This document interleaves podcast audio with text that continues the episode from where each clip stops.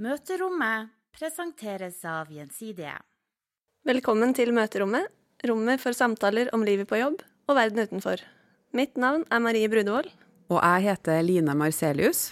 Dette er episode nummer 16, spilt inn 2. juli 2019. Ja, i dag har vi fått storfint besøk i møterommet, Marie. Det har vi. Vi sitter her med Torgeir Waterhouse. Han er direktør for internett og nye medier i IKT Norge, og er for mange kanskje kjent som han som uttaler seg i media når det er snakk om datasikkerhet og personvern. Han er også en ettertraktet foredragsholder og forfatter, og nå er han altså her hos oss. Torgeir, velkommen til møterommet. Takk. Vi har noen eh, faste spørsmål, vi, Torgeir, som vi tenkte å begynne med aller eh, først. Um, og her kommer det første. Hva var den første tanken som slo deg da du så deg sjøl i speilet i morges? Ah, vel, nå er jeg ikke sikker på om jeg faktisk har sett meg selv i speilet i dag tidlig, men, men uh, det første som slo meg i dag tidlig, som jeg kan huske som en, i hvert fall noe jeg tenkte på, var at uh, har det kommet vann i varmtvannstanken eller ikke? Nå?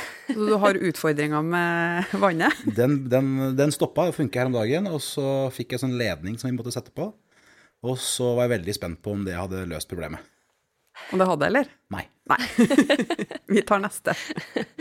Eh, hvis du kunne få nøyaktig hvilken jobb du ville, hva skulle det vært? Ai. Uh, åh, det er mange. Uh, jeg kunne nok uh, tenke meg, med fare for å være litt sånn type Ikaros og, og selvorientert her, så jeg godt tenke meg å jobbe med det jeg jobber med.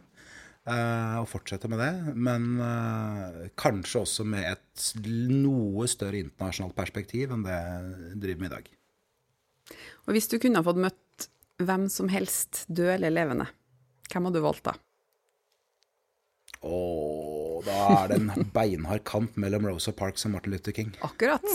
Så det er på rettighetenes eh, side du skal Ja, definitivt. Ja. Uh, og ikke bare rettigheter, men liksom det, det grunnleggende for menneskene. Og da går vi videre, vi, rett og slett på det første temaet for dagens podkast. Vi har kalt det fra kjedelig til sexy. Hvorfor har sikkerhet blitt så hot? Det er jo en påstand som vi kommer med. Så lurer jeg på aller først, hvordan oppsto interessen din for det her med datasikkerhet og ja, alt det andre du jobber med? For det er jo ikke bare det.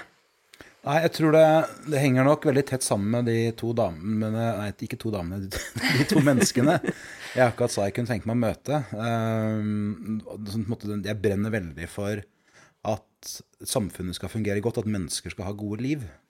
Og, og rettferdighet, at det skal ligge til bunn, i bunn for det vi gjør.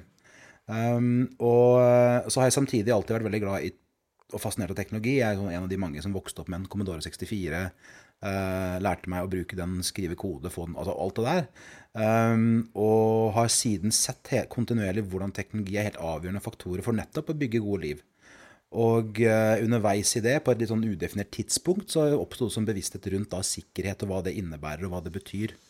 Uh, og en, selv om det er en ganske fersk sak, så, så, er det en sak jeg tenker på nå som eksemplifiserer det ganske godt. Og det er når uh, Frode Tuen, som er en samlivsekspert, terapeut, behandler, etc. Jeg er ikke sikker på hva som er riktig betegnelse. Og som skriver fast i Aftenposten A-magasinet, hadde en sak for et par år siden hvor han skrev at uh, det er et sunt prinsipp at uh, partnere har gjensidig tilgang til hverandres smarttelefoner. Og for meg så er det Det, det illustrerer veldig godt noe av det som driver meg med sikkerhet, og hvor viktig sikkerhet er. For uh, selv om han helt sikkert er en glimrende samlivsterapeut, så er det en katastrofe til å gi råd når det gjelder teknologianvendelse. Fordi det er ikke et sunt prinsipp, det er et livsfarlig prinsipp. Og det er et råd jeg er helt overbevist om, og jeg vet, vi har hatt mange debatter med han om det. Han gir fordi han ikke i utgangspunktet har sett konsekvensene av den type råd i tilknytning til teknologi. Så i en sånn terapeutisk kontekst er det sikkert helt riktig at det er et sunt prinsipp at man gir hverandre innsyn og etablerer tillit. Men når det gjelder en sånn teknisk enhet som en såkalt smarttelefon er, så er det mye mer inngripende. Og det, det, du i ytterste konsekvens gjør, er å gi folk innblikk i tankene dine, følelsene dine, hvem du har hatt kontakt med, hvor du har bevega deg. Og hvis du bor sammen med en voldelig partner, eller potensielt voldelig partner, så er det veldig lite smart å gi vedkommende bensin til å tømme på bålet sitt. Har du inntrykk av at det er veldig lett da, for andre typer fagfolk å gi råd om eh, hvordan man skal navigere seg rundt i det teknologiske eh, ja, i de duppedingsene man har, da. Du som fagperson innenfor Ja, det området? Også, ja, og så tenker jeg at eh, jeg tror den største utfordringen er vel kanskje at de ikke nødvendigvis er bevisste på at de gir råd som har en, har en annen konsekvens eller en annen effekt nå, etter at alle f.eks. går rundt og bærer på devices som er online hele tiden. Så selve rådet i seg selv kan være veldig godt innenfor deres eget domene, men bevisstheten er ikke stor nok, eller kunnskapen er ikke stor nok om hvordan det domenet interagerer annerledes med andre domener etter, kall det internett og smarttelefon. Det går litt på privatliv. Det har vært mye skrevet i media om spredning av nakenbilder og GDPR, som vi fikk for et år siden, er det vel. Eh, Er det bare media som er opptatt av de sensasjonelle overskriftene, eller er inntrykket ditt at mannen og kvinnen i gata også har blitt mer opptatt av personvern og datasikkerhet sånn generelt? Jeg tror vi kan si sikkert at, eh, at flere har blitt opptatt av det. Eh, om de har blitt mer, altså opptatt nok til å faktisk begynne å gjøre endringer på hva de gjør, om det er nødvendig, det er en helt annen diskusjon. Og der ligger også kanskje noe av utfordringen. Og vi ser jo en linje tilbake til egentlig Edward Snowden her, på når dette vokste som tema. Og, og mitt inntrykk, og det er viktig å understreke inntrykk her, er jo at, at folk har blitt mer opptatt av det for at de snakker om det. Eh, Litt sånn som folk snakker om vær og andre superviktige greier for å kunne ha noe chit-chat om. Så det er liksom et nytt tema som kom ut inn i chit-chat-poolen. Men ikke nødvendigvis på en måte som leder til endringer. Men hørt veldig veldig sakte, og også pga. måten teknologiaktørene agerer, så skjer det en dreining.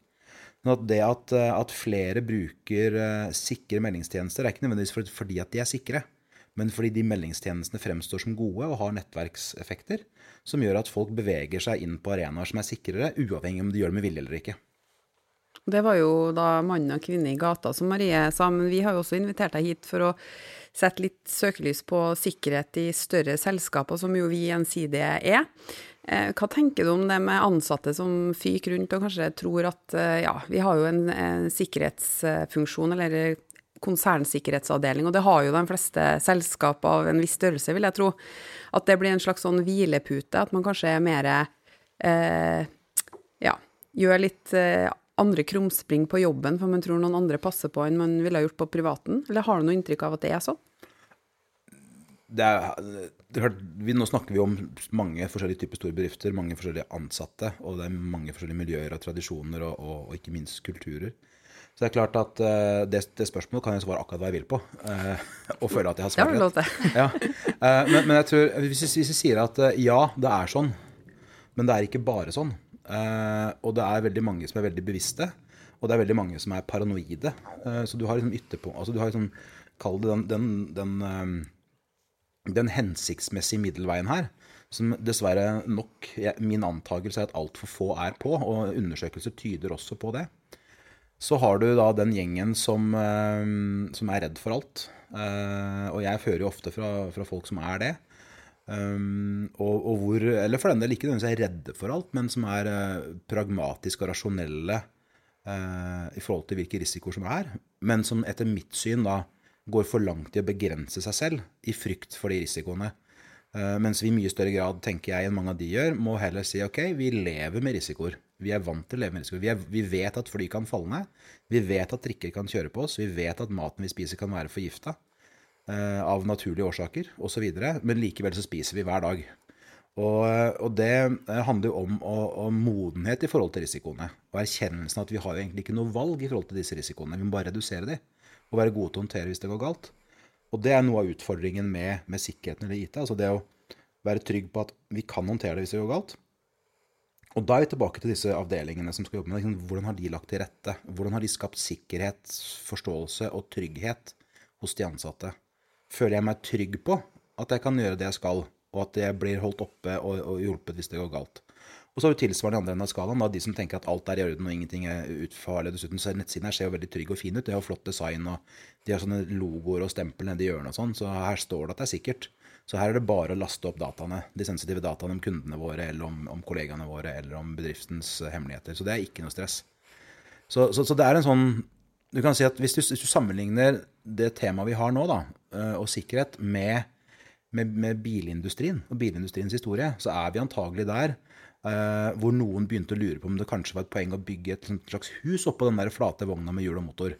Eller om det holdt med, med om det var godt nok å bare ha da en stor plate og en motor og fire hjul og et ratt og en stol.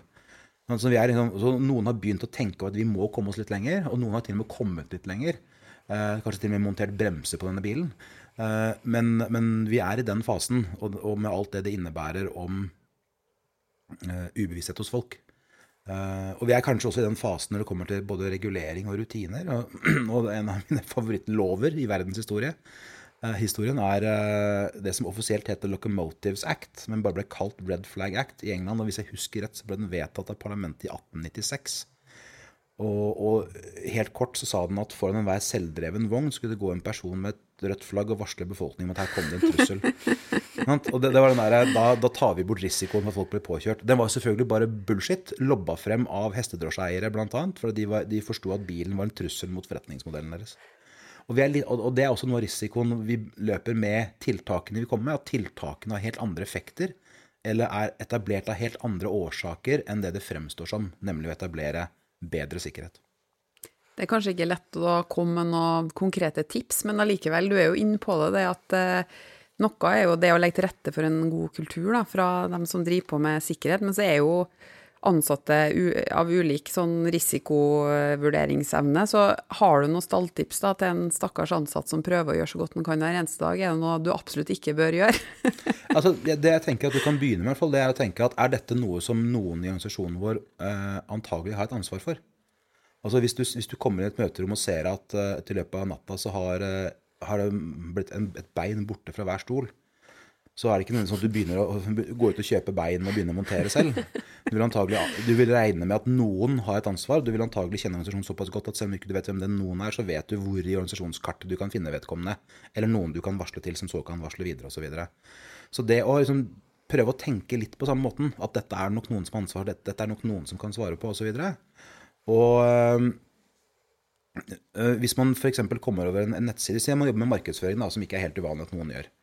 Uh, da tester man masse verktøy hele tiden sant, for å se hvordan kan vi spore aktiviteten på nettsidene her. Er dette, er dette nyhetsbrevløsningen bedre enn den jeg er vant til å bruke, osv. Og så laster man opp data. For den ser jo så fin ut, ikke sant? og de har som jeg sa, skrevet at det er sikkert. Så det er ikke noe problem. Dessuten så er det sånn kul freemium-modell, sånn at det er jo gratis å prøve den litt. Så det, det skader jo ikke å prøve. Men ville man tatt bedriftens penger og bare putta inn i en sånn ny bank for at den banken sa at den var så kul? Eller ville man gått gjennom noen runder før man gjorde det? Og, og jeg tenker at nettopp det å, å, reflektere litt over hva er det jeg egentlig gjør nå og, og, det er jo ikke for å si at det jeg gjør er farlig, eller den skal i hvert fall ikke prøve nye verktøy, men det er for å bare, bare øke bevissthetsnivået på hva er det jeg faktisk gjør for noe. Hva innebærer det jeg har tenkt å gjøre? Og er det noe jeg da bare kan, også kan teste, eller er det noe jeg bør la være å teste før jeg har sjekka ut noe eller fått noen godkjenninger. Eller kanskje selv om jeg har veldig veldig lyst på den nyhetsbrevløsningen, kanskje vi faktisk finner ut at den er ikke sikker. Så selv om jeg har utrolig lyst på den, så er det nok likevel lurt å la være. Og du nevnte jo GDPR. Eh, og, og, det er klart at eh, det ble gjort en undersøkelse for uh, internasjonalt for nei, to år siden, nå tror jeg det er, hvor de fant ut at i en typisk bedrift så er, er det 17-22 ganger flere cloud-løsninger i bruk enn de ansvarlige har godkjent. Og det er mye pga. sånne ting. Og da i lys av GDPR, eller personopplysningsloven som det heter da, nå i Norge, så er det klart at når du skal ha ansvar for å vite hvor dataene faktisk er, og hvem som har tilgang til de osv., så, videre, så vet du ikke det på noe annet enn de systemene du vet om. Og bare der ikke sant, er det greit at jeg putter data inn i et system vi ikke aner noen ting om. Ja eller nei? Og svaret er antagelig i hvert fall ikke ja. Det er ikke sikkert det er nei heller, men det er i hvert fall ikke ja. Nei. Eh, du nevnte kultur kort i stad. Eh, er sikkerhet en egen kultur i en bedrift, eller er det en del av bedriftskulturen? Har du noen meninger om det? Eller burde det være en egen kultur? Ja, det burde være en del av bedriftskulturen, men som med så mye annet, så er det også sånn at vi innimellom har behov for å, å, avgrense noe innenfor der igjen, for å kunne jobbe godt med det. Og øh, hvis man ikke har noe bevissthet om sikkerhetskultur, så er det antagelig ikke noe, noe særlig sikkerhetskultur i bedriften, altså innbakt i bedriftens kultur heller. Så det å, å, faktisk gjøre folk bevisst på at dette er noe vi må gjøre noe med, det er viktig, selv om vi på sikt ønsker at det ikke skal være, nødvendigvis skal være et eget tema for alle. Og det kan du godt sammenligne med alt mulig annet vi forsøker å endre i samfunnet. Hvis man tar likestilling f.eks., så har vi jo som mål at vi kommer dit at vi slutter å snakke om likestilling. At det bare går av seg selv når man ansetter, f.eks. At man ikke trenger å, å være bevisst på eh, antall kvinner i en, en, avdeling eller en selskap. Eller at man ikke trenger å være veldig oppmerksom på antall kvinner på scenen når man lager en konferanse. At det, bare, det er bare riktig. Uh, og, og, sånn er det med sikkerhet òg. Vi må bare komme oss dit. Uh, og da må vi gjøre ganske mye grep og bevisstgjøring på veien for å nettopp passe på at vi får det inn i det, Kall det det naturlige, da, eller det daglige løpet med det vi driver med. Da håper vi at den poden her bidrar til det. Mm. Det må være veldig viktig. ikke sant? Og da tenker jeg at uh, ref da sånne, det vi snakket om i stad, om bare å prate om sikkerhet versus å gjøre noe. ikke sant? Tenker, ok, hva, Kanskje det alle som hører på, som jobber i en side, kan gjøre. tenker, ok, hva er, det, hva er, den ene tingen jeg kan gjøre i dag, nå etter å ha hørt denne podkasten, som kan bevege meg litt i riktig retning? Uh, og, og, det er ofte sånn at vi blir sånn, sånn satt ut av hvor omfattende det virker. ikke sant? Og plutselig så hører vi om hackergrupper i Russland som går til angrep, og millioner av angrep mot Norge hver dag, og hund, eller hundretusener, eller kanskje bare titusener osv. Det kan jo ikke jeg gjøre noe med. Men spørsmålet er hva er det du kan gjøre noe med? Å ta litt samme tilnærming som vi har med, med miljøvern og, og så videre. Hva er de små grepene jeg kan gjøre, som sakte, men sikkert beveger meg og oss i riktig retning? Mm. Uh, hacking er kanskje det store, det store, selskapet frykter mest. Kanskje særlig sånn som Gjensidige, som sitter på mye sensitive personopplysninger om kundene våre. Kan du si noe om hvem den typiske hackeren er? Er det gutteromshackeren, eller er det kriminelt nettverk, statlig hvis du teller antallet som gjerne vil kalle seg hackere selv, så kan det godt hende at den typiske er det man gjerne kaller gutteromshacker. Og så håper jeg at det er mye mer eh, barnerom eller ungdomsrom, da, at vi får jenter med også. For såkalt altså hacking er jo et begrep som inneholder mye. Uh, og, og, veldig mye av det noen gjør, er jo leder til positiv læring og bevissthet, og det er utvikling av kompetanse som vi trenger osv. Og så er det en grense her selvfølgelig hvor du kan begynne å snakke om etisk og uetisk og lovlig og ulovlig osv. Eh, og vi vil jo ikke ha folk over på den feil side av de grensene.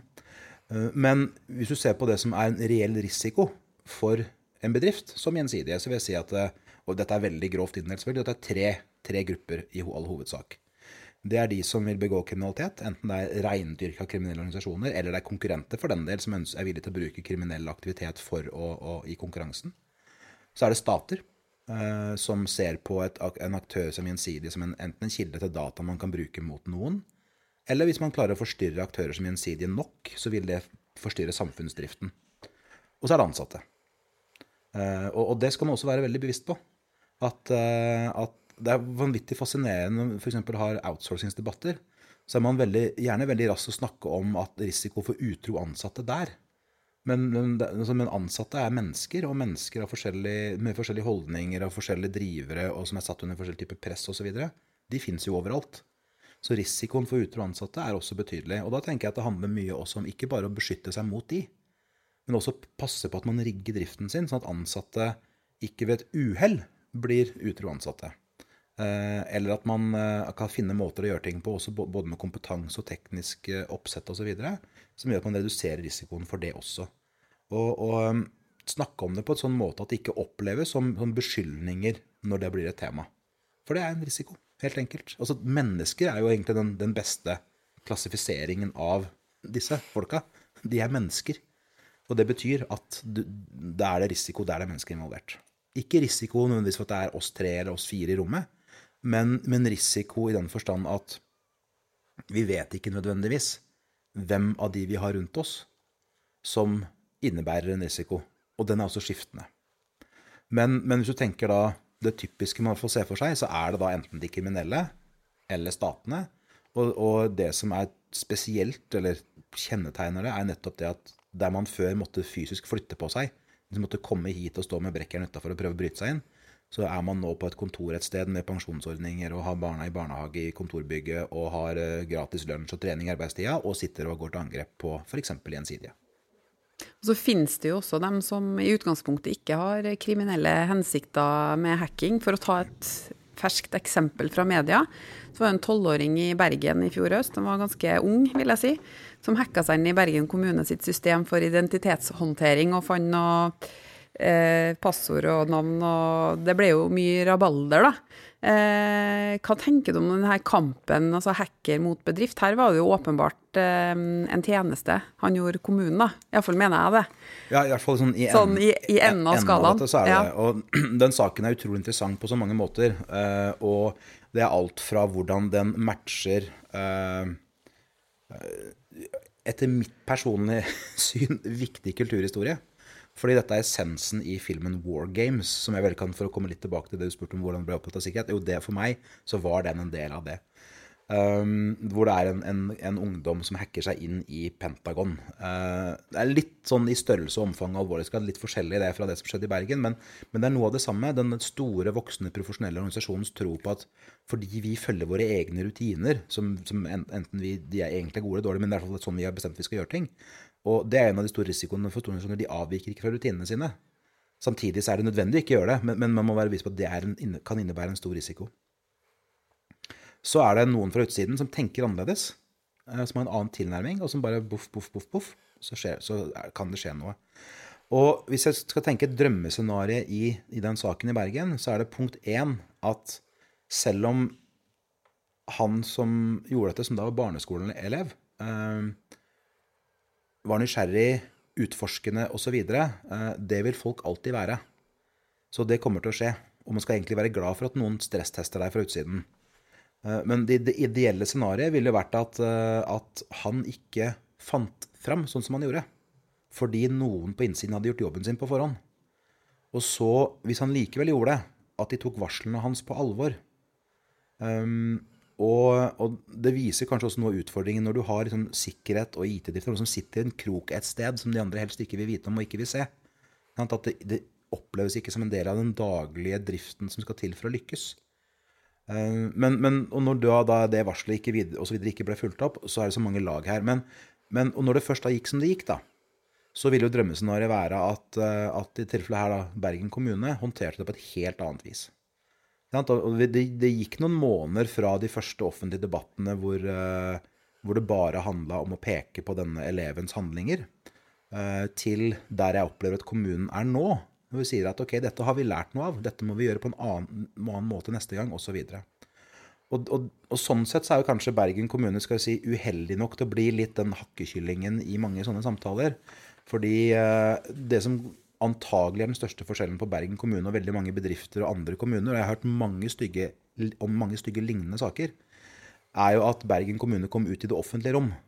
Mens veldig ofte så slipper man unna med den type håndtering som Bergen kommune hadde, fordi saken ikke tar av i det offentlige rom. Uh, og så er det mange som går i den fella og tror at, handler, altså at det hjelper å være stor, eller at det hjelper å være liten. Men mye av disse problemstillingene er på tvers av størrelse. Så det er jo et ganske kjent uttrykk som sier 'keep your friends close and your enemies closer'. Tror du at denne saken og andre lignende saker bidrar til at um, større foretak, um, offentlig, privat, tar de her gutteromsekkerne litt mer på alvor? Altså et eksempel her er jo at han ble jo tilbudt sommerjobb i S-banken. Nå er han jo 13 år, da. Så det er jo noen som drar nytte av det, på en måte. ja, jeg tror noe av det som er jeg tror, Ja, man, ta, man, tar nok den risikoen mer på alvor, men jeg er usikker på om man gjør det over tid. Altså, ikke sant? Det er litt sånn type, igjen tilbake til GDPR. Uh, eh, det har blitt veldig stille rundt innføringen av personopplysningsloven. Uh, og min opplevelse til alle de jeg har kontakt med, jeg snakker med folk, om ikke daglig, så i hvert fall flere ganger i uka, om dette regelverket, er jo at uh, ja, det, det, det regelverket trådte i kraft, og det gikk fint. Så vi har ikke noe problem. Mens dette er en, en, daglig situasjon. Det er noe man skal håndtere hver eneste dag. Og eh, noe av det fine i Bergen som kom ut av det, det er jo at det er nå etablert et nettverk av voksne som jobber med problemstillingen på tvers av bedrifter og forskjellig offentlig sektor og Frivillighets-Norge. Sånn at uh, vi, i, når jeg sier vi nå, så er jeg Lær Kids av koding, vi inngår i et nettverk av folk i Bergen som jobber med å se hvordan kan vi få opp et tilbud til ungdommer som har mer den type interesse enn eh, en det andre ungdommer har. Og, eh, og, og det, det, tilbudet fra S-banken til denne gutten er nettopp noe som inngår i dette. Uh, hvor uh, de i S-banken er med i et nettverk av, uh, av, av, folk. Og noe av det de har kommet på, er at vi kan gjøre dette. Og han har fått vært på masse andre bedriftsbesøk også. Og, fått, og, og kommunen har meldt seg på på en helt annen måte. Så, men det er klart at det er veldig lang vei fra det til at dette er en måte å tenke på og agere på overalt hvor det burde være det. Ja, vi har jo de hackerne som bare er ute etter å lage kvalm, og så har vi hackerne som kanskje bare har lyst til å sette søkelys på sikkerhetshull og hjelpe bedriften til å bli bedre. Eh, du nevnte etisk hacker i stad. Kan du forklare litt forskjellen på Eller forklare hva en etisk hacker egentlig er og gjør? Den enkleste måten å si det på er egentlig det du sa. Det er noen som, som, som tenker at her er det noe som ikke er i orden. La meg se om jeg kan finne noe. Eller her er det kanskje noe å finne. La meg se om jeg kan finne noe og varsle om det. Og, eh, og en utfordring altså, som er, ligger i det, at det den etiske hackeren gjør, kan ofte være ulovlig å gjøre. Eh, selv om intensjonen er god. Eh, og, da, og vedkommende løper en stor risiko for å havne i personlige problemer i det øyeblikket de varsler. Um, eller for den del det blir oppdaget hva de gjør. Så, så der hviler det et stort ansvar også på de det gjelder, for å være profesjonelle i håndteringen. Og som en illustrasjon um, For ganske mange år siden så var det forskere ved Selmersenteret i Bergen. De drev og testa sikkerheten på BankID, og de dokumenterte via sine egne BankID-kontor og egne bankkontor, viktig å understreke, hvordan uh, de kunne gjennomføre et såkalt man in the middle attack på BankID-systemet. Og, og, responsen tilbake de, som de fikk da, den var jo ikke god. For da var det jo sånn at dette er ulovlig, dere bryter regelverket vårt. Det var Eh, det, det, var det som i hvert fall de selv oppfatta som trusler mot dem, osv. Uh, og, og det er, er, både forståelig at var reaksjonen og responsen ut fra hva de la fram og, og sa de hadde gjort. Uh, samtidig som det er en, en, helt meningsløs respons. Fordi man burde egentlig som du var inne på, være veldig glad for at noen faktisk har tatt seg bryet med å gjøre dette og informere oss. Men, men, det er klart at hvis du sitter og ser på et angrep, eller sitter og ser på et innbruddsforsøk eller et hackingforsøk, så kan jo ikke du se fra innsiden om det er noen med gode intensjoner eller onde hensikter. Eh, så, og, og, dette er jo noe som det er lett å, å snakke om at prinsipielt bør det være sånn og prinsipielt bør det være sånn. Men, men, for meg så er dette en av veldig mange veldig tydelige eh, indikasjoner på at dette er en umoden situasjon for oss. Som jeg nevnte i stad, sammenlignet med bilindustrien. Altså, vi skal ganske mange år frem før vi har erfaring og modenhet og, og felles forståelse av hverandres intensjoner som er på et nivå hvor alt dette kan håndteres så godt som vi syns det burde. Men den usikkerheten når det gjelder hvilken risiko vi står i, tror du det også går på bekostning av um, innovasjon? F.eks. i store selskap. Det er jo veldig mye snakk om at det digitale skiftet gjør at vi må tilby de mest innovative kundetjenestene. Men også på innsida i selskap så vil man jo gjerne også være med og tenke mobil først og den biten der. Men tror du at den der risiko tankegangen også kan gjøre at man er reddere enn før, da? Helt, helt sikkert, og, men, men, også begge deler. Og så tenker jeg her at uh, i det øyeblikket du sier nei til noe fordi du er um, usikker på risikoen, uh, så er det noe helt annet enn hvis du sier nei til noe og du er sikker på risikoen. Eller fordi du er sikker på risikoen.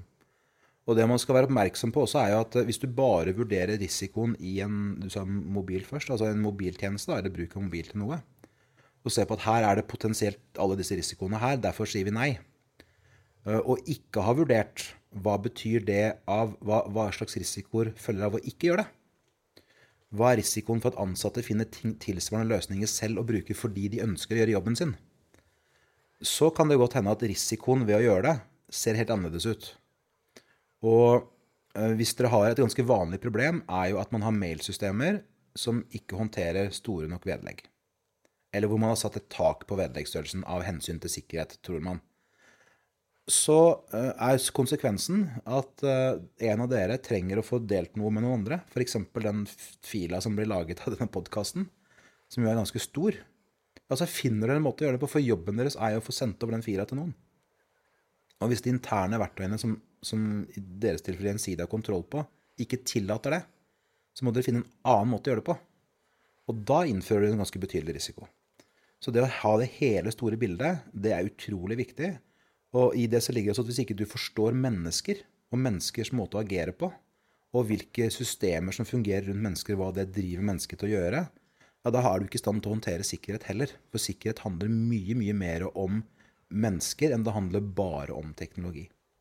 Så snakka du også litt i stad om det med at eh, ansatte i seg sjøl er jo også en risiko, for folk er jo forskjellige. At man tenker gjerne på tredjepartsleverandører eller ansatte i andre Altså hos samarbeidspartnere, da, at de er kanskje en større risiko enn sine egne ansatte. Så er det jo veldig mange store selskap som flytter f.eks. IT-løsninger ut av Norden. Har du gjort deg noen tanker om er det egentlig så farlig som mange sier at det er, eller er det egentlig helt greit? Uh, la meg begynne med å si at uh, alt er en risiko. Alt representerer en risiko. Så, sånn at, uh, og, og, og, det må vi være bevisst på. Og det, det er ikke, det er ikke en, et, en, en, si et angrep på f.eks. egne ansatte å si at egne ansatte representerer en risiko, for det gjør de jo.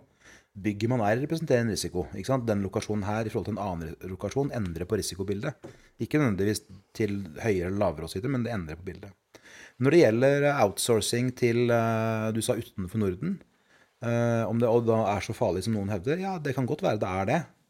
Men det må du hele tiden se i lys av at det er ikke nødvendigvis mindre farlig her.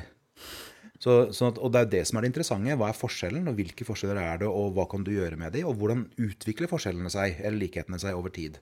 Fordi hvis du gjør en vurdering akkurat nå, og så gjør du en vurdering om ett år, om to år, om tre år og fire år, så kan du være helt sikker på at hvis de vurderingene er identiske for alle de, fem, de årene, altså er det vurderingene dine som er gale. Eh, for risikobildet er alltid endring, uansett. Og eh, det du må hele tiden se på, er hvilke risikoer er farlige for deg? Hvilke risikoer er til å leve med? Hvilke risikoer kan du gjøre noe med? Hvilke risikoer kan du overvåke? Hvilke risikoer kan du kontinuerlig eh, påvirke eller ikke, osv. Så um, så, sånn at uh, tilnærmingen til debatt om dette i Norge handler mye, mye mer om den generelle outsourcingsfrykten eller iveren, avhengig av hvor man, hvordan man ser på det og handler mye mer om hva man er vant til. Altså, jeg er veldig glad i å, å plukke opp uh, mobiltelefonhistorien til Per Sandberg. Han gikk av som fiskeriminister. Fordi uh, alle som sier at det er uklokt av en statsråd å ta med seg statsrådsmobilen til Iran på en ikke-annonsert ferie, har jo helt rett. Men det syns jeg ikke er så veldig interessant. Det jeg syns er veldig interessant med den saken, det er hvordan agerte alle andre. Han dro med mobilen, eh, med mobilen sin til Iran. Etterpå så dro han til, til Arendalsuka for å ha en eh, pressekonferanse om dette. Og Arendalsuka er en uke som samler det som kan krype og gå av politikere og toppbyråkrater og toppledere osv. Virkelig, du har en Beslutnings-Norge er der. Og eh, på flere debatter og paneler og foredrag og arrangementer vi hadde det, det året i Arendal, så, så, stilte jeg spørsmål for å se okay, hvor mange her har fått med seg det. Ja, det var alltid alle. At han skulle komme og mobilen osv. Og, og så spurte jeg hvor mange her har gjort en vurdering om det er trygt eller ikke trygt å ta med seg mobilen sin til Arendal. Og det var aldri noen. Men det vi kan være helt sikre på, er at hvis fremmede makter eller kriminelle ønska å overvåke noen eller på et annet vis misbruke at noen hadde med seg mobilen sin noe sted, så er Arendal den uka du kan være sikker på at de var i. Akkurat der og da. Sånn at, så det å ha den bevisstheten at ja da, det kan være uklokt å ta med mobilen sin til Iran, men det betyr ikke at det ikke er uklokt å ta med seg rundt i Norge det er ikke sikkert forskjellen alltid er så veldig stor. Så vi er veldig prega av det gamle bildet. Vi ser for oss spioner som folk som møtes med oppheta krage på frakken sin på en tåkelagt bro i Øst-Berlin. Eh, og utveksler noen saksmapper og sånne ting. Eh, men, men det for, og det foregår sikkert ennå. Og den risikoen er sikkert ikke borte, osv. Men vi har erverva nye risikoer som gjør at forskjellen på å ta den med til Iran og ha den i Norge er ikke nødvendigvis alltid så stor som vi tenker intuitivt at den er. Og Da er vi tilbake til noe av det du spurte om i stad. Hvilke råd skal vi gi? Hva skal folk gjøre? Og Da begynner vi med å tenke. Og tenke at, okay, Hvis ikke jeg forstår risikobildet, hvis jeg tror risikobildet er likt nå som det var i 1980, da, er det igjen, da må vi begynne å gjøre noe med min forståelse. Og så må vi se på hvilke råd er det vi gir folk. Et, hvis min oppfølging hadde vært 'derfor må du ikke ta med mobilen til Arendal', så hadde det vært meningsløst. For det er, ikke, det er, ikke, mulig å gjennomføre i praksis. Vi må gi folk råd de faktisk kan bruke til noe fornuftig. Og da snakker vi veldig ofte om 'falling rocks'.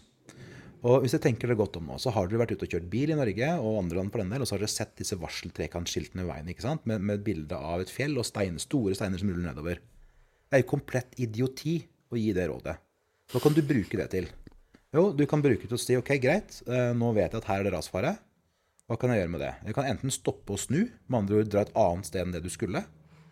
Eh, eller du kan fortsette, og så har du lært at dersom det plutselig er noe hardt som treffer bilen din, og som får bilen din til å riste og bråstoppe, så vet du at det, at det kanskje er en stor stein. Men det er ingenting med det skiltet eller det rådet som på noe vis kan gjøre deg bedre rusta til å unngå de steinene. Du kan ikke bruke den informasjonen til å unngå at det blir steinras. Så vi må komme oss over i en situasjon hvor vi faktisk gir folk råd, og i kombinasjon med teknologi og hjelp på andre måter, sånn at de kan beskytte seg bedre. Og kan ta gode valg. Og bort ifra den derre 'nå har vi gitt deg informasjonen, så nå burde du vær så god ikke havne i problemer'. informasjon. Så, så liksom, husk på dette med 'falling rocks' når vi skal gi råd. Og når vi skal lage rutiner og lage systemer, det må være noe folk faktisk kan bruke til å beskytte seg bedre enn hvis de ikke fikk det. Mm. Fikk jeg et nytt syn på bilskilt? Absolutt. Eh, du nevnte det kort i stad, tror jeg, men hvor ofte blir norske selskaper angrepet av hackere? Ja, hvis vi tenker norske selskaper som at selskaper som eksisterer i Norge, så skjer det mange ganger hver dag. Det betyr ikke at alle norske selskaper blir utsatt for det hver dag. Og det betyr heller ikke at alle norske selskaper som blir utsatt for det, blir utsatt for det målretta. Eh, for det er jo mye som er ikke-retta angrep også, hvor de bare altså, setter i gang systemer som leter rundt på nettet og skanner etter åpninger og kanskje kommer inn i. Og, og hvis man blir utsatt for et sånt målrettet angrep, så er man ikke nødvendigvis heller selve målet. Men det kan være at man bare blir angrepet, ikke retta, for å utnytte systemene dine som base for videre angrep, f.eks. Og så er det igjen sånn at det er store forskjeller på motivasjonen bak angrepet. Noe kan være, bare være for å teste. Hvordan reagerer de hvis vi gjør sånn? Litt som vi eh, forskere, i hvert fall ifølge myter i filmer og TV-er, forsker på hvite mus. Hva, hva gjør de hvis de pirker der? Eh, så, så, for å lære rett og slett om beredskapen vår og håndteringsevnen vår og kunnskapen vår, det kan være bare for pur klassisk faenskap å drive hærverk. Det kan være for å bevise for andre at 'se hva jeg fikk til'. Eller det kan være kriminelle intensjoner. Mm. Eh, hvis en bedrift blir hacka, så er det kanskje lett å tenke at sikkerheten har vært dårlig. Eh, er det så firkanta? Nei, men det er en av mange muligheter som kan, eller årsaksforklaringer. Men det er klart det at hvis man tenker at du har blitt hacka, derfor har sikkerheten vært dårlig, så er det det samme som å si at du har vært i en bilulykke, derfor så kan du ikke kjøre bil. Ehm, det er veldig mye rundt som påvirker, og mange faktorer. Også noe så enkelt som at eh, vi vet at i all programvare så er det feil. Eh, det betyr at du kan ha gjort alt riktig, du kan gjøre absolutt alt du kan, men likevel bli offer for et angrep for pga. noen iboende feil som ikke du var klar over eller ikke kunne forutse at var der i systemet du har i bruk. Så kan det være, som, som det er mange eksempler på, at du tenker at dette det går sikkert greit. Og nettopp da sikkerheten har vært dårlig. Så, så det er hele spennet og hele bildet. Og så er det dessverre sånn at vi tyr gjerne til enkle løsninger. Og nå snakkes det mye om at leverandørene må ta mer ansvar. Og det er helt sikkert riktig. Men det vi må diskutere mye mer, er hva slags ansvar skal de eventuelt ta. Um, for et par år siden nå så ble mange ramma av WannaCry. Blant annet NHS, altså sykehusene i England, ble ramma av WannaCry fordi de hadde usikra, altså upatcha Windows-maskiner i bruk. Det var kjente feil som det var den ikke patcha for, og derfor ble de ramma av WannaCry, som var bare leita etter steder å spre seg. Og så kan vi si ok, la oss tenke, leke med den at leverandørene skal ta mer ansvar. Microsoft er jo det som, som utvikler og leverer Windows. Uh, et alternativ er at de f.eks. lagde Windows på en sånn måte at hvis du ikke hadde installert alle sikkerhetspatcher, så ville ikke Windows kjøre. Uh, da ville de tatt ansvar for at det var umulig å bruke Windows hvis ikke alle sikkerhetspatcher var installert. Det er ikke helt sikkert vi som samfunn vil at de skal gjøre det. Det er ikke helt sikkert vi som samfunn vil at de skal hindre automatisk alle maskinene, eller mange av maskinene, i sykehusene i England, eller Norge for den del, å starte opp. Det, for det har også noen andre konsekvenser. Så vi, vi, må, vi må, få flytta debattene våre til hva betyr Altså, ikke bare finne noen å peke på og si at dere må fikse, eller du må fikse. Men, men, hva er det vi trenger å fikse på hvilken måte, og til hvilken pris? Altså, hva skal, hva skal risikoen vi lever med, være? Skal, øh, og, og, og, det er jo noe av utfordringen. For alle vi som er her, vi har jo gått til jobb i dag. Vi har kjørt til jobb i dag, eller sykla, eller Vi alle sammen har utsatt oss selv for stor risiko for å komme til jobb. Uh, men vi har valgt å gjøre det fordi vi vet at vi ikke har noe valg. Vi må gjøre det, så skal livet og samfunnet fungere. Og så har vi gjort en masse grep underveis for å redusere sannsynligheten for å bli utsatt for risiko. Og det er et samspill mellom oss som individer, de andre trafikantene, Oslo kommune som har måten man har laget veier, fortau, overganger, sykkelfelt osv. Måten man skilter holdeplasser og hvordan måten Ruter stopper trikken eller T-banen på. Mange mange små eh, grep som vi til sammen gjør, som gjør at sikkerheten vår er vanvittig høy i forhold til det den kunne ha vært når vi beveger oss rundt i trafikken. Og det, det er også å forstå at det er et samspill mellom alle. Altså, vi har snakket mye om de ansatte, vi har snakket om at leverandøren må ta mer ansvar. Men alle involverte må ha ansvar og kunne utøve det ansvaret. Å kunne utøve er selvfølgelig sentralt her. For det hjelper ikke å vite at det er en, en altså Tilbake til falling rocks. da. Du kan ikke gjøre noe med. Det er ingenting jeg kan gjøre hvis jeg er ute og sykler på en vei. Så kan ikke jeg gjøre noe med steiner som eventuelt velger å begynne å rulle ned fra fjellet og prøve å treffe meg. Og apropos det med hacking, da. Har du noe sånn Hvordan oppdager man egentlig at man er utsatt for det? Hydroangrepet er jo kanskje det mest kjente nylige store angrepet da, som har florert i media? for å være veldig tabloid, hydroangrepet var utrolig enkelt å oppdage fordi at ting slutta å virke. Ja, ok. Ikke? Så, da, så det, der, det er et noe. altså Ref min varmtvannstank for øvrig. Ja. Det er lett å oppdage at den ikke virker, fordi det kommer ikke varmt vann mer. Yes. Men, eh, men mange angrep oppdager man ikke. Så vi snakker gjerne litt sånn flåsten på det er to typer bedrifter i verden. Det er de som vet de har blitt angrepet, og de som ikke vet det. Og det er klart det at eh, det man kan gjøre noe med, er jo hvordan man overvåker. Og da er vi tilbake til den modenheten igjen, og forståelsen og prioriteringsevnen og viljen. Altså vi, eh, Dere vet at dette møterommet her ikke blir rydda opp etter de som var her sist, hvis dere kommer inn og det er masse ting på bordene. Eh, Så da ser du det veldig enkelt. Og så er spørsmålet hvordan kan du se det like enkelt i et IT-system som du ikke er i og ikke ser i. Og da har man jo overvåkningssystemer som man kan bruke, som følger med på trafikken, følger med på avvik, plutselige endringer osv. Så, videre. Så det er mye man kan gjøre der, men, men det handler jo om en, å finne rette balansepunktet mellom hvem er det man nå da overvåker, hva er det man ser og ikke ser, eh, hva, og ikke minst også forstå hva betyr det egentlig. Og, og så handler det om selvfølgelig igjen tilbake til prioritering og risiko, så hva er det du trenger å vite noe om. Er du, hvor er de punktene du kan overvåke som gir deg mest informasjon? Hva er det det egentlig forteller deg? Eh, og, og hvordan kan de som ønsker å gjøre noe mot deg, skjule det de gjør i noe annet? Eh, og Vi snakker gjerne også om at man gjør angrep et sted for å skjule og trekke oppmerksomheten bort fra angrep et annet sted, f.eks. Så, men det å, å faktisk følge med på, det å være bevisste, det å overvåke hele tiden, det er viktig. Eh, samtidig som man må se på hvilke tiltak er det som reduserer risikoen for at det skjer noe. Og når det ligger en iPhone på bordet her med skjermen ned, og det er bare et tiltak som gjør at det øker eh, reduserer risikoen for at de andre i rommet kan se hva som skjer på dem. Bra, Marie. Det er jo ti poeng til Marie. Ja, og det er, det er ikke sikkert det er bevisst, men, men det er, ofte så er det ikke nødvendigvis mer kompliserte ting enn det som kan være med å løfte nivået litt. Uh, ligger for en annen her med skjermen, er også min, så, så de er like flinke. De andre har det ikke på bordet engang, så vet ikke hva som skjer der. Men, Jeg bruker ikke mobil. men det som uh, også er et poeng her, da, det er jo og som er sånn, som, igjen, Det er litt sånn anekdotisk, og, og, og, og sånn, men, men det er gans, illustrerer ganske godt. at Veldig mange går rundt med en sånn, en sånn rød sirkel på AppStore-appen på iPhonene med et stort tall på. Sant? Og, og syns det er hassle og masete med disse oppdateringene. og åh, kom det igjen og sånn. Høres veldig kjent ut. Men det er jo, tenk, tenk på den røde sirkelen som en klovnenese. Det er bare klovner som har på klovnenese, og det er bare klovner som går rundt med uten å oppdatere. For det, det man da har, bevisst eller ubevisst, har valgt å ikke gjøre, det er å ikke installere de sikkerhetsfiksene som har kommet. Ja, så, så igjen, vi er tilbake til det veldig, at det er mange små grep man kan gjøre. Det er noe den enkelte kan gjøre. Samtidig så kan faktisk bedriften ha policies som tvinger det gjennom. Så, så igjen tilbake til hva er det man er, Skal man forebygge, skal man følge med på, og skal man håndtere? Og hvordan gjør man de forskjellige tingene? Men det vi kan være helt sikre på, er at de aller fleste bedriftene gjør antagelig mindre enn de kan når det gjelder å overvåke hva som foregår. Og man bruker antagelig i mindre grad enn man kan eh, de dataene man finner eh, som, som sier noe. Så, men i alt dette, eh, det er lett å svartmale, det er lett å lage skremmebilder. Det foregår også veldig mye bra. Se på hvor bra Hydro klarte seg når de ble utsatt for dette. Så her er de som sier at de kunne klart seg enda bedre hvis de bare hadde gjort sånn og sånn og sånn. Ja, selvfølgelig. Det kan vi jo alltid, alle alltid. Så, så igjen så handler det nettopp om hvordan stiller man seg der.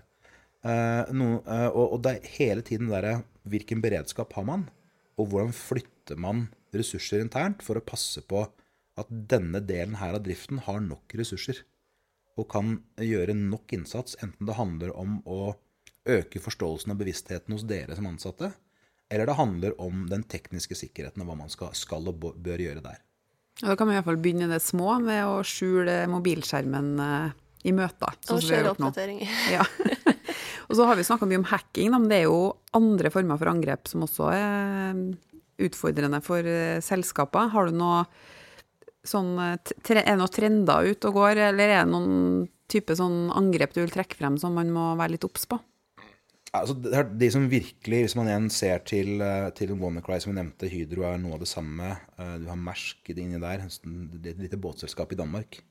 Som jo tilfeldigvis viser seg å være verdens største rederi. De ble ramma av noe som heter NotPetia, som var en videreutvikling av WannaCry. Eh, Og de ble ramma fordi de hadde ikke patcha systemene sine skikkelig. Så du har alt fra det, altså det, Enten det er retta eller ikke retta.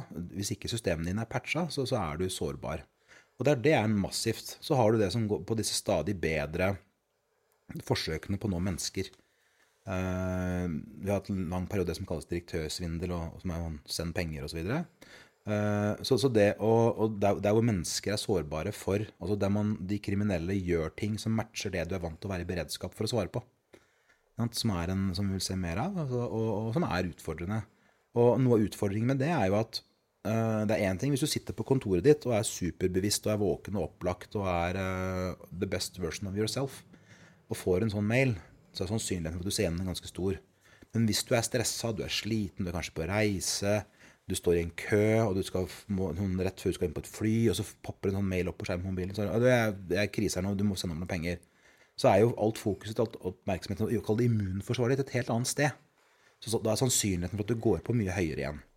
Så, så, så, vi må liksom rigge oss for at det er høyde for menneskets eh, variasjoner eller grader eller, av fokus og bevissthet og, og årvåkenhet. Da. Og så er det selvfølgelig de rette angrepene. Det er klart det at å være bevisst på hvilken interesse andre kan ha i det man driver med. Uh, interessene for å, å, angripe gjensidig direkte vil være noe helt annet enn for å angripe Peppes Pizza direkte. Så, så være bevisst på det. Altså fordi det er, du kan si at I det øyeblikket du kan identifisere noe spesielt ved deg, så, så må du være klar over at det er en sannsynlighet for at det finnes noen der ute som har en spesiell interesse av det spesielle ved deg. Eh, og Det betyr også at for gjensidige så er det man skal være bevisst på oppmerksom på, noe helt annet enn det det er for Peppes.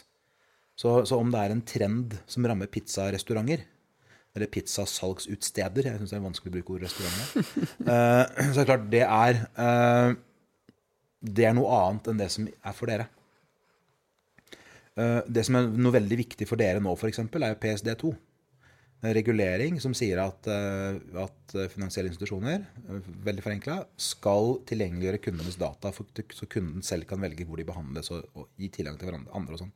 Det er klart det er en ekstrem bevissthet rundt hvordan det åpner for muligheter for å misbruke, skaffe seg adganger.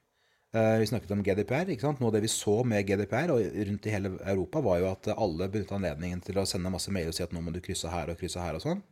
Selvfølgelig så var det kriminelle som visste at eh, nå kommer alle til å bli bomba med sånne mailer. La oss skjule oss igjen strømmen og sende ut mailer til folk hvor de er på autopilot, trykker på knappen for å godkjenne et eller annet. ikke sant? Og så fått, er det en adgang til å sende noe inn i maskinen. Så, så, det er jo de der eh, tingene der hele tiden. Når er det eh, noen kan liksom snike seg med eh, i det som foregår? Når er det store, kjente feil på systemer som kan misbrukes, osv. Så, videre. så men den kanskje viktigste trenden av alle, det er noen der ute har interesse av å, å rote det til for oss. Og oss har ikke en høy nok bevissthet og en høy nok prioriteringsevne eller vilje til å beskytte oss sånn som vi burde gjøre. Det er de to viktigste trendene, egentlig. Som er da så overordnet at du ikke kan bruke noen ting. Så egentlig sitter jeg her og forteller om steiner som kan falle. Ehm, du nevnte i stad at når man skal sende store filer, så er det ikke alltid mail fungerer. Og jeg, på privaten så bruker jeg jo tjenester som iCloud og Dropbox og sånne ting. Kan du bare først forklare hva en sky er? Såkalt sky? Det er en datamaskin som står et sted, eller et cluster av datamaskiner som står et sted er tilgjengelig for deg. Ja. Men hvor teknologien er skrudd sammen på en sånn måte i samspillet mellom de maskinene og den maskinen du bruker, om det er en såkalt telefon eller en såkalt laptop eller en såkalt noe annet, Eh, at det fremstår som et, eh, sånn, en sånn ubegrensa plass der ute. Eh, og det er et eller annet sted der ute for deg, og det er tilgjengelig både for deg og andre, og for deg fra der du måtte befinne deg. Så der, i bunn og grunn så er det egentlig så Ringen blir jo alltid slutta i teknologisammenheng. Dette er jo tilbake til stormaskinen, ikke sant? Norsk Data og hva de drev med. Du stormaskin et eller annet sted, og så hadde du en terminal et sted som jobba mot maskinen. Og Det er jo litt den samme logikken, egentlig. Bare at vi har nå mye mer lagringskapasitet der ute tilgjengelig hos andre for oss. Vi har mye mer prosessorkraft tilgjengelig, både hos oss selv og der ute. Og vi har nettverk imellom som gjør at det fungerer i sanntid. Så vi opplever at det fungerer bam, bam, bam, bam for oss når vi vil. For å ta meg sjøl igjen, jeg har jo masse bilder liggende på Dropbox f.eks. Bør man være litt mer, eller bli, bør man være paranoid når man putter ting i en sky? Mange vil hevde det. Jeg vil hevde at du skal definitivt ikke være paranoid. Men du skal være bevisst på eh, hvordan bilder det er, hvordan du håndterer de, hva du kan gjøre med det. Eh, du vil f.eks. antagelig være veldig bevisst på hjemme eh, hvilke bilder som ligger tilgjengelig for hvem hvor. Du, ligger det bildet bare en stable på et bord med bildet siden opp? Er det i et album som er lukka, som noen aktivt må åpne for å kunne se? Er det et album som kanskje har en slags lås på? Er det albumet satt i en hylle, altså hvor du må oppsøke det veldig? Er det låst inn i en skuff eller bak en låst dør? Altså, det mange, og dette gjør du antagelig uten å være bevisst på at du gjør det. Så gjør du sånne vurderinger. Du må komme dit at du gjør de tilsvarende vurderingene for de, om det er Dropbox eller annet du bruker. Hvilke bilder er det? Hva er risikoen for de? Uh, har jeg beskytta det? ikke sant? Har jeg på tofaktorautentisering? Har jeg delt den mappa med noen? Osv. Ja, det bildet her kan jeg godt til og med publisere åpent ut på internett. Det er en bilde av utsikten fra møter vi sitter i. Ok, Det noen kan lære av det, er at jeg har vært i dette rommet og tatt det bildet. Eller at jeg har fått tilgang på bildet. Det er noe helt annet enn f.eks. nakenbilder som du nevnte i stad. Som, som, er en helt annen type risiko for deg hvis noen får tilgang til. Så, så igjen, tenker jeg at for, for, oss alle så handler det veldig mye om å bare få opp bevisstheten. Og du, du sa jo i sted at mange tenker kanskje at vi har en sikkerhetsavdeling, derfor er vi sikre. Uh, og det er litt kanskje sånn vi tenker også privatene bruker tjenester som Dropbox og iCloud og annet. At uh, det, er jo, det, er jo, det, er jo, der, så det er sikkert. Jeg må logge meg på, derfor er det sikkert sikkert. Og det er, ikke, det er det ikke nødvendigvis. Så det, og da igjen er jeg tilbake til okay, hva kan jeg gjøre? Være bevisst på hva jeg putter der. Være bevisst på Det kan være at det viktigste for meg er at det ikke går tapt. Uh, det kan være det viktigste for meg at det ikke er på avveie. Um, og så sier ok, greit, da gjør vurdering ut fra det. Og, og igjen, gjør de vurderingene du faktisk kan gjøre. Uh, Istedenfor å la seg blende alt det du ikke er i stand til å vurdere. Og da også f.eks. sånne enkle ting som ok, har jeg et passord på dette her? Og ikke minst, har jeg et passord jeg bare bruker der? Ikke bruk samme passord flere steder. Kan jeg slå på det vi kaller tofaktorautentisering, som, som fungerer litt à la bank i det? Ikke sant? At du i tillegg til brukeren av passord, så må du også ha en kode som genereres automatisk der og da eh, osv. Så, videre. så er, hvilke grep kan jeg faktisk gjøre? Og Apropos det med sikkerhet, da. Du var jo litt inne på det, og du har kanskje indirekte svart på det. Eh, Syns du det skal være et mål at vi skal på en måte oppnå en sånn 100% sikkerhet til enhver tid? Mange vil jo kanskje hevde at det var sikrere før, da vi gjorde alt på papir, men det Vi aldri, har aldri hatt og kommer aldri til å ha 100% sikkerhet, men vi skal være så nære som mulig. Og så skal vi være bevisste på når er det risikoene er så store at vi skal la være å gjøre noe. Og når er det vi kan jobbe med å redusere den og leve med den. En akseptabel risiko, da. Ja. Så tenker jeg vi kan gå fra det til det motsatte av et Falling Rocks-råd. Og, og, liksom sånn som et siste sånn derre OK, da sier jeg det, og så slutter jeg der, og så kanskje folk husker akkurat det. Jeg sa jo at du ikke skal bruke samme passord flere steder. Og den enkleste måten å løse det på, er å bruke en password manager. Altså programvare som hjelper deg å ta vare på mange passord, og som hjelper deg å systematisere dem, og som lager det sikkert for deg.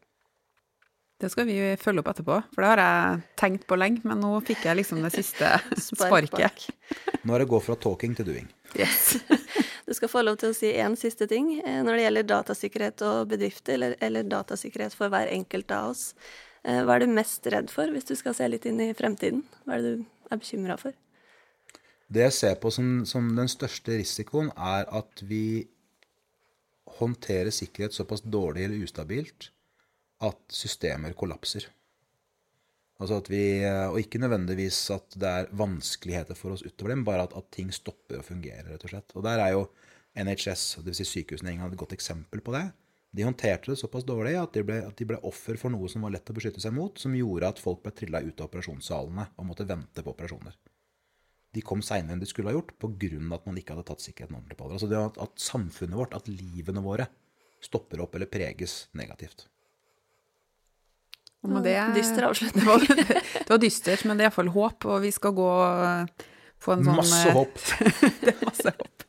Og vi skal gå og få oss en sånn her eh, passordmanager-applikasjon. Eh, Torgeir Waterhouse, tusen hjertelig takk for at du kom til oss i møterommet i dag. Takk skal dere ha.